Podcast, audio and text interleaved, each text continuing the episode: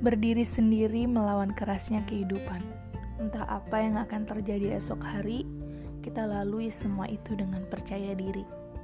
Ada Tuhan bersama kita setiap hari. Untuk apa kita bersedih jika lebih pantas untuk bahagia? Bukankah pulang itu pasti? Harusnya kita syukuri apa yang sekarang kita miliki. Dengan begitu, kebahagiaan pasti akan menghampiri. Untuk sekarang, Lakukan apa pun yang kamu sukai. Kau harus yakin hidup ini hanya satu kali. Jadi, jangan sia-siakan hari ini.